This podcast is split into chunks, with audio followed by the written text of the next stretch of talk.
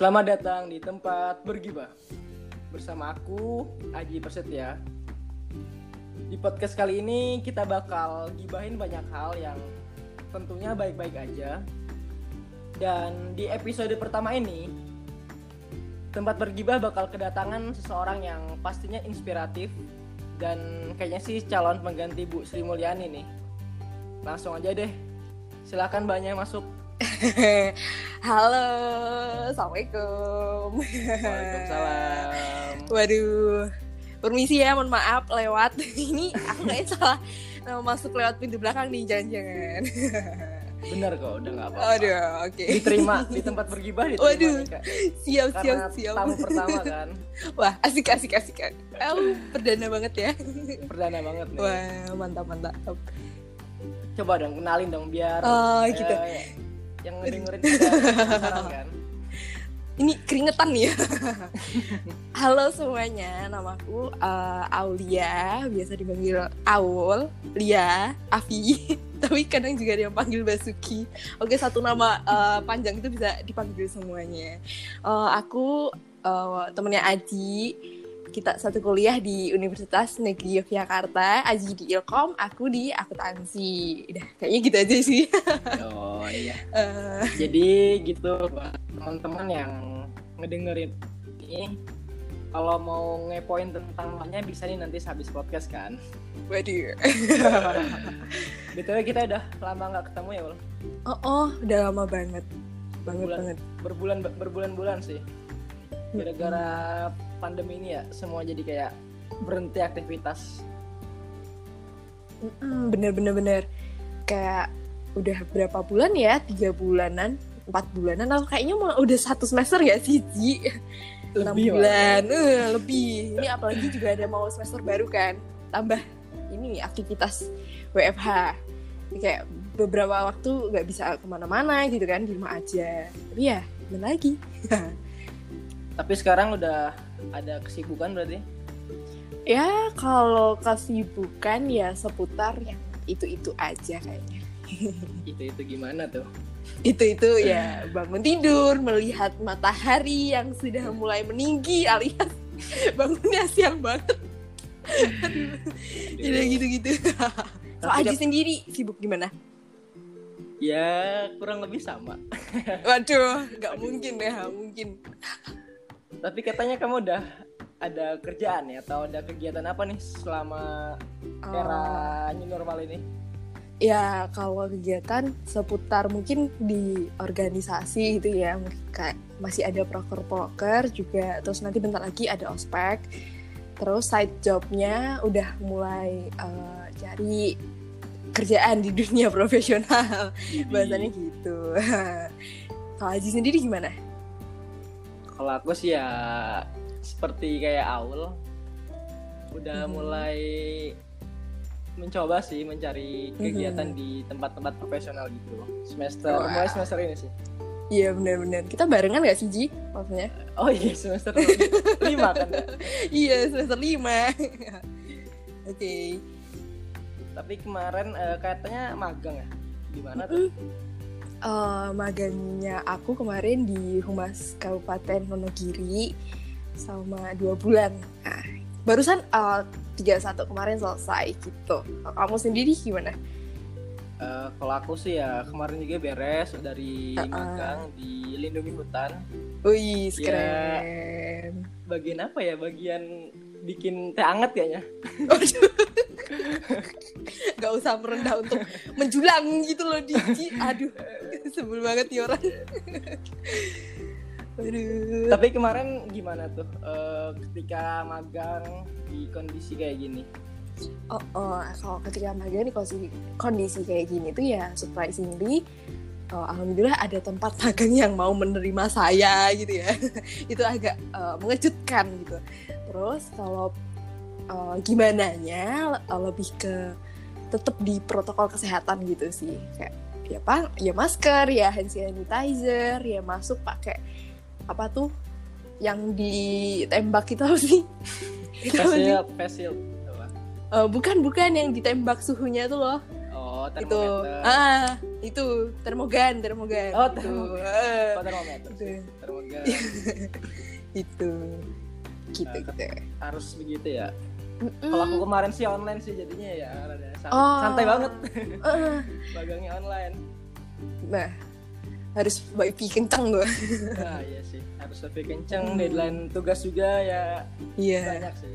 keren keren keren emang harusnya kayak gitu sih ya Ya, ya generasi muda ya harus semangat lah. Oh semangat gak boleh ngeluh Oh iya jadi ngomongin generasi muda nih aku jadi keinget. Jadi banyak banget sih sebelum pandemi maupun setelah ini teman-teman aku yang ngeluh nih tentang kondisi keuangannya. Termasuk aku sih. oke ngeluh gimana tuh Ya ngeluh gitulah kayak ya sambat sih kayak aduh duit aku, keuangan aku segala macem lah dia ya intinya begitu sih. Pasti teman Oh. kamu juga banyak. Iya sih, kayaknya aku juga termasuk nih. kan kalau sih saya pandemi gini kan kita nggak dapet uang saku nggak sih? Iya. Terus ya jadinya mu- mulai mencari cuan dari kerjaan ya gitu-gitu nah. gitu. Ada sih beberapa mesti ada kayak ya termasuknya ya aku itu tadi. Iya kayak eh, banyak juga kayak ya mungkin lebih ngerasa sih boros banget sama pengeluaran nih. Udah kayak nyoba nabung dikit susah, terus kepake. Terus ada juga duit kadang duit Hmm. bulanan ya cepet banget habisnya gitu. Eh, menurut kamu kan Ul yang sebagai anak akuntansi atau ekonomi nih, eh, kira-kira apa ya? Gimana sih biar manage keuangan itu secara bagus gitu? Hmm, oke. Oh, sebenarnya kalau aku secara pribadi itu masih belajar juga sih, Ji. Karena juga aku termasuk orang yang uh, pengen masih pengen belanja-belanja gitu. Uh, apa ya namanya? Haus mata. Ada diskon dikit langsung melipir gitu ya kan? Ah, susah nih. ya tapi uh, so far kalau dalam kehidupan ini kan emang kita perlu banget nggak sih punya kemampuan yang namanya literasi ekonomi. lah emang itu kayak seserius maksudnya sepenting apa sih kayak untuk anak muda buat milenial kayak kita gini nih tahu tentang atau punya kemampuan dari literasi ekonomi Hmm, Oh, kalau literasi ekonominya gitu sih, eh, menurut gue kayak penting banget gitu ya. Kayak mau duit lu dari orang tua, kayak kerja sendiri, kayak yang itu penting banget gitu. kalau dari menurut aku nih, literasi ekonomi itu kan kayak pemahaman ekonomi suatu individu. Nah, pemahaman pemahaman ini nih juga termasuk kayak life skill gimana mereka mengelola keuangan pribadi mereka. Misal nih, walaupun lu uh, cucu dari uh, apa nih apa ya? Sultan. Wah Sultan oke Sultan. Sultan atau yang misalnya punya perusahaan jarum gitu ya. Waduh rokok. Aduh. wah keren banget nih. Itu kayak ibaratnya duit lo tuh kayak ngejros terus tuh. Ngalir mulu. Rekening tuh nggak ada habisnya gitu. Tapi ya kalau misalnya lo nggak punya cara buat mengelola keuangan lo sendiri ya itu jadi suatu hal yang challenge gitu ya kayak ya percuma aja lo kaya tapi ka- kamu nggak punya pemahaman tersendiri dari pengelolaan keuangan itu. Nah, salah satu pemahaman literasi ekonomi ini juga gimana tahu instrumen kayak investasi, terus juga produk-produk keuangan. Jadi kayak bisa meminimalisir gimana kita kayak oh ke depannya itu digobloki bahasanya ya bahasa kasarnya itu dibodohi dalam hal keuangan gitu.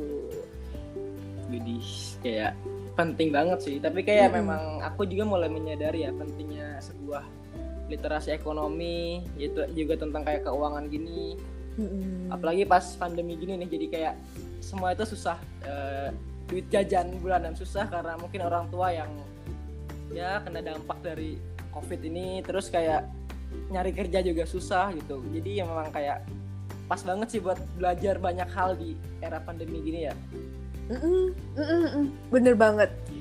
Oh, banyak belajar di era pandemi ini, apalagi kayak sekarang udah banyak banget webinar-webinar yang gratis gitu gak sih Ji sekarang tuh? di mana-mana sih kayaknya Oh, oh, di mana-mana gitu kayak ada webinar-webinar tentang kayak ekonomi-ekonomi bla bla bla gitu.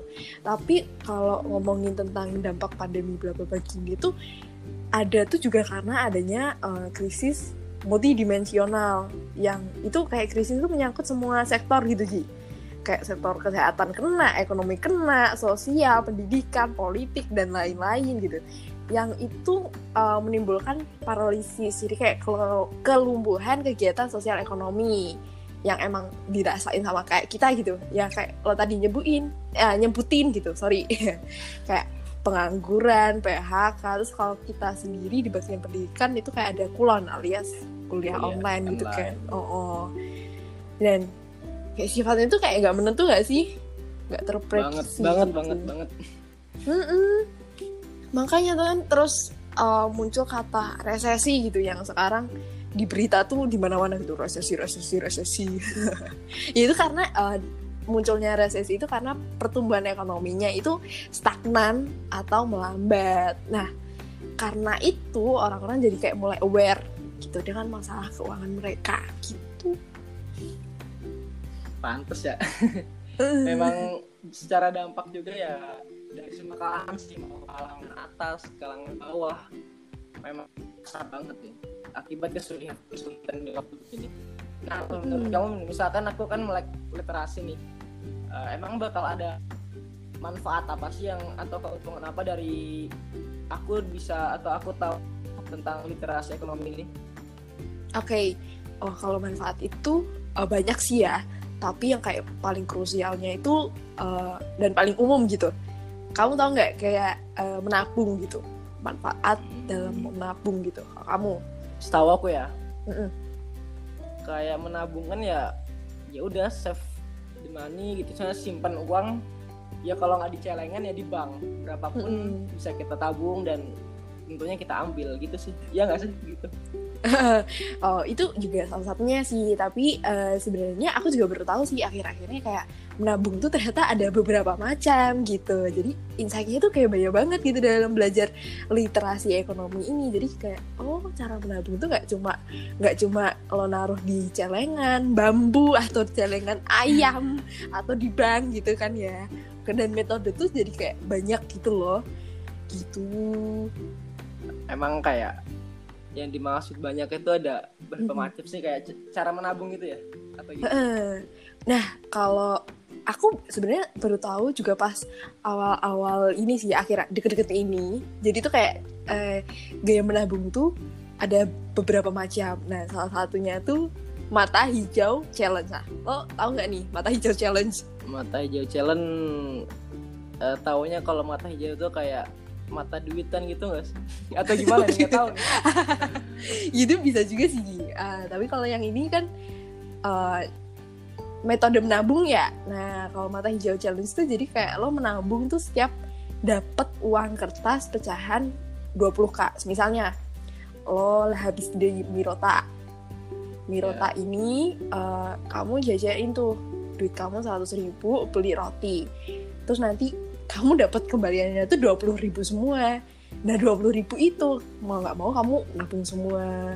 Terus misal kamu belanja ke Indomaret kamu bawa uang lima puluh ribu jajan kembaliannya itu ada 30 berapa gitu ya. Nah 30 ribu itu salah satunya nominalnya ada 20 ribuannya. Nah 20 ribuannya ini kamu simpen dan nggak kamu pakai. Nah itu yang mata hijau challenge gitu. Nah kalau kamu sendiri uh, biasanya gimana nih? Kalau nabung uh, semaunya sih kalau ada duit hmm. dan bisa nih kita apa ya hmm. misalkan dapat jatah aku kan masih kayak dapat dari orang tua gitu hmm. belum belum kerja ya hmm. dikasih berapa ya paling 10% sih kalau kalau bisa aku tabung tabung hmm. tapi kalau enggak ya ya udah kepake gitu Mm -mm. Uh, aku juga kayak gitu sih jadi kayak modalnya budgeting di awal gitu ya 10% iya, iya. gitu-gitu. Oh ya, gitu. uh, random question nih Ji. Kalau menurut lo biasanya lo tuh boros di mana? Uh, aku ya. Uh -uh. Karena kayak hobi suka jalan-jalan gitu sih kayak mungkin di jalan-jalan itu sih. Oke, okay, di jalan-jalan aja uh, ya enak traveling. uh. Waduh, keren keren keren. Kalau aku sih uh, borosnya mungkin di bagian kayak skincare kayaknya karena kayak satu satu barang tuh bisa berapa gitu loh. Jadi kalau aku sendiri sih kayak punya 1.1 budgeting gitu. Jadi kayak ada kebutuhan per bulan terus skincare terus ada rewards buat diri aku sendiri kayak makan cantik atau yang lainnya. Dan tentunya tabungan. Jadi uh, kalau aku sendiri tuh nge nabung tuh dengan cara budgeting di awal jadi emang dipotong di awal gitu dan kalau lo gimana Gi? Kalau aku sih malah kayak kebanyakannya reward semua ya buat diri sendiri. Apa gua? ya karena mungkin pemahaman literasi di bidang ekonomi aku yang masih jetek ya masih hmm. dasar banget hmm. ya itu tadi misalkan kalau ada lebih kira-kira banyak atau gimana yang tabung di awalnya tuh tapi hmm. sering banget pakai juga gitu jadi ya kalau kita bikin keuangan gitu kayak aku selalu aware banget sih gitu jadi ketika hmm. ya pandemi gini itu kerasa gitu lebih banyak kerasanya sih hmm. oh, kalau dari macam tabungan nih yang kamu tahu ada berapa nih? Ketika ya satu itu.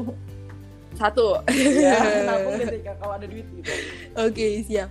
Kalau aku sih dari uh, yang aku pelajari ini jadi tabungan tuh ada kayak tiga gitu Ji jangka panjang, jangka pendek, sama darurat gitu.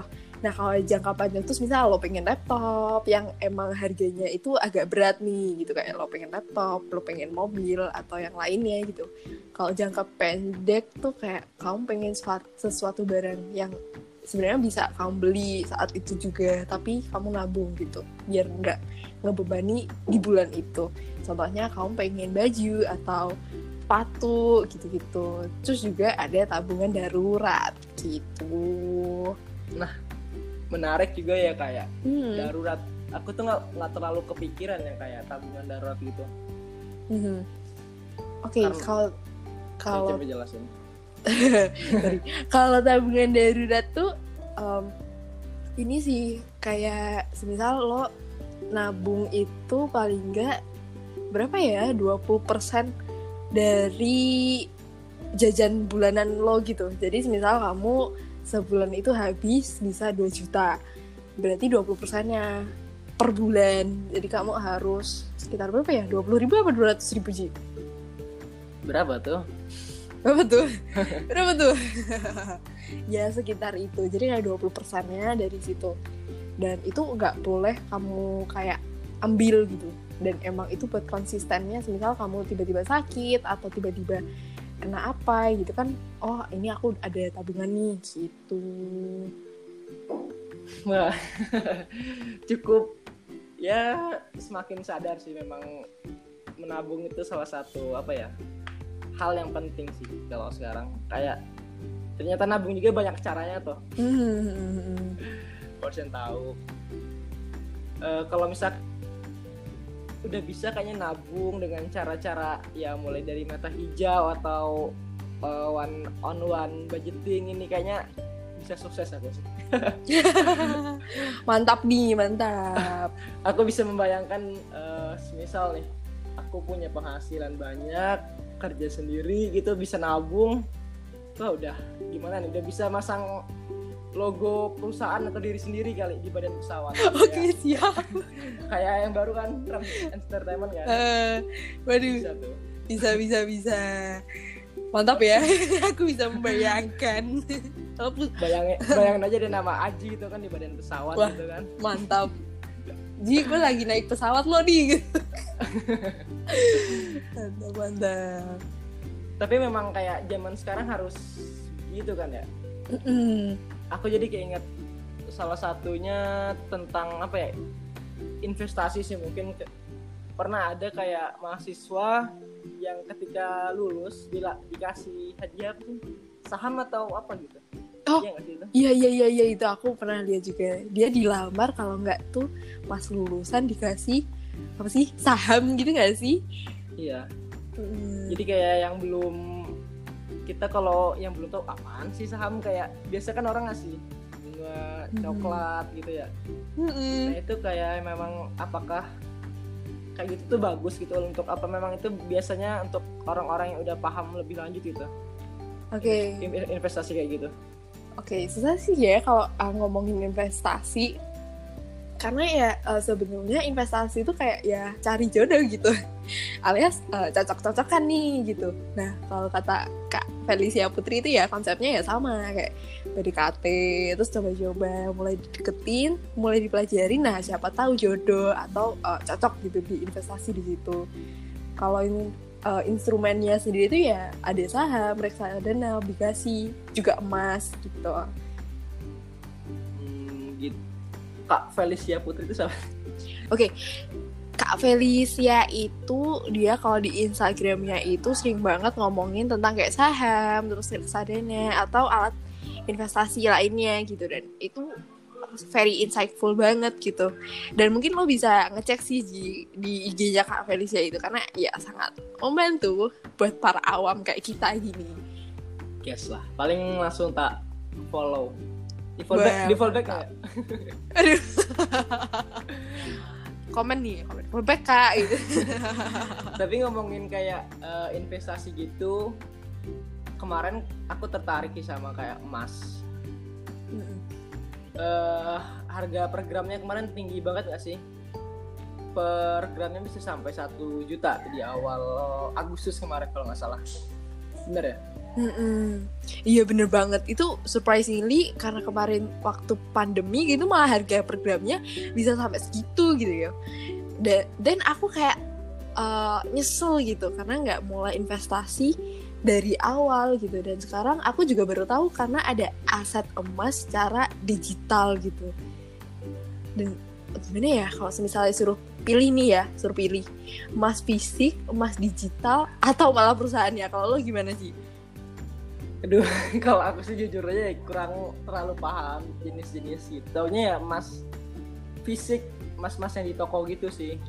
Tapi soalnya mm. kalau di perusahaan gitu kan mungkin kita harus uh, selalu update tentang uh, kayak kondisi perusahaannya gimana. Jadi lebih kayak ngeri sih. Itu hitungannya investasi juga kan Mm-mm, di sahamnya ya, gitu. Kalau emang kalau misalkan dari tiga jenis itu milih emas fisik, digital atau perusahaan, emang kamu lebih uh, milih yang mana? Oke, okay, kalau aku sih lebih ke emas yang fisik kali ya, Ji. Kayak cincin gitu-gitu kan. Karena ya you know lah kan gue cewek gitu. Jadi emasnya bisa gue pakai gitu. Terus kalau udah selesai, gue bisa jual besoknya gitu. Memang. Tapi kayak bener sih. Baru ngeh juga bahwa kalau investasi itu cocok-cocokan ya kayak jodoh gitu. Oh, oh bener banget. Cocok di aku belum tentu cocok di kamu gitu kan. Banyak sih emang kejadian ya. Makanya sekarang banyak kayak aplikasi itu masih kayak Rex reksadana yang bibit tau bibit kan? Mm -mm, tahu tahu tahu kayak kita dipermudah untuk apa ya mau investasi sini aja. Nanti ada apa sih kalau reksadana namanya manajer manajer apa? Manajer investasi, uh, manajer investasi. Jadi kita kayak lebih simpel gitu ya. Oh, oh. jadi cocok-cocok kan bisa jadi aku cocok di saham kamu reksadana atau yang lainnya gitu-gitu sih. Nah, berarti ini memang ujungnya harus melek literasi ekonomi. Mm -mm. kayaknya rugi banget ya kalau jadi milenial gitu kita nggak tahu jadi kita paham segala macam ilmu tapi kalau literasi ekonominya rendah kita tau nggak ada ya gimana kan? Bener banget. Apalagi juga bisa belajar di mana-mana kan sekarang kalau zaman sekarang tuh. Tapi emang kalau kita belajar nih tentang literasi ekonomi selain mungkin di baca buku ya baca buku kan pasti tuh. Nah, memang belajarnya di mana sih kamu ada saran atau referensi buat aku dan teman-teman aku gitu atau buat pendengar dari podcast ini? Oke, okay. Uh, kalau saya buat belajar nih tentang literasi ekonomi gitu. Jadi uh, sebenarnya kayak di Instagram, di YouTube atau tweet di Twitter gitu kan banyak kan. nah kalau yang aku rekomendasiin atau yang aku pakai itu biasanya ada akun Kemenkeu, terus generasi cerdas keuangan yang itu dibawain langsung oleh OJK, terus ada juga di JPP Kemenkeu dan banyak deh gitu. Nah salah satu podcastnya itu juga ada, jadi ada podcast yang khusus tentang ekonomi gitu. Jadi pembicaranya itu yang emang pakar di bidang itu bahasanya gitu. Salah satunya itu yang aku dengerin tuh ide ekonomi gitu. Dan emang banyak banget insight yang aku dapat di situ. Jadi sebenarnya tuh oh, nggak oh, ada lagi tuh kata males malas-malasan banget gitu kayak mempelajari ekonomi. Jadi wah oh, aku nggak mudah tentang ekonomi itu apaan sih? Bla bla bla bla. Itu kayak udah basi banget lo nya aja yang nggak mau belajar gitu bahasanya. Milenial kan apa ya harus ya semangat gitu harus pokoknya hmm. lebih kayak masih muda juga kan? Hmm, bener banget bener banget. Ya harus jadi semangat gini deh belajar literasi ekonomi. I iya dong. Kan milenial emang wajib buat proyek literasi ekonomi karena semua yang kita lakukan ini untuk kita. Kayak, hashtag ini untuk kita. Kayak gak asing. Iya kayak asing. Uh, oke okay deh. Kayaknya aku memang harus banyak belajar kayak di pandemi ini untuk literasi ekonomi supaya ya bisa tahu dari bakal masalah-masalah keuangan atau masalah ekonomi apa yang bisa aku hadapi itu ke depannya. Mm, makasih, bener, bener, makasih bener. banget ini untuk Aul yang udah nemenin ngobrol uh, berpuluh-puluh menit. Semoga ya asik ya. bermanfaat dan nanti bisa buat pendengar podcast tempat bergibah ini bisa apa ya? Pada mau juga belajar literasi ke literasi ekonomi ini. Wih, siap siap siap. Sukses buat Aji. Sukses juga buat Aul. Jangan lupa jaga apa? Thank kesehatan. You. Jaga siap. pokoknya. Jadi gitu tuh episode perdana dari tempat bergibah. Semoga bisa bermanfaat ya. Dan tunggu di episode-episode selanjutnya. Thank you.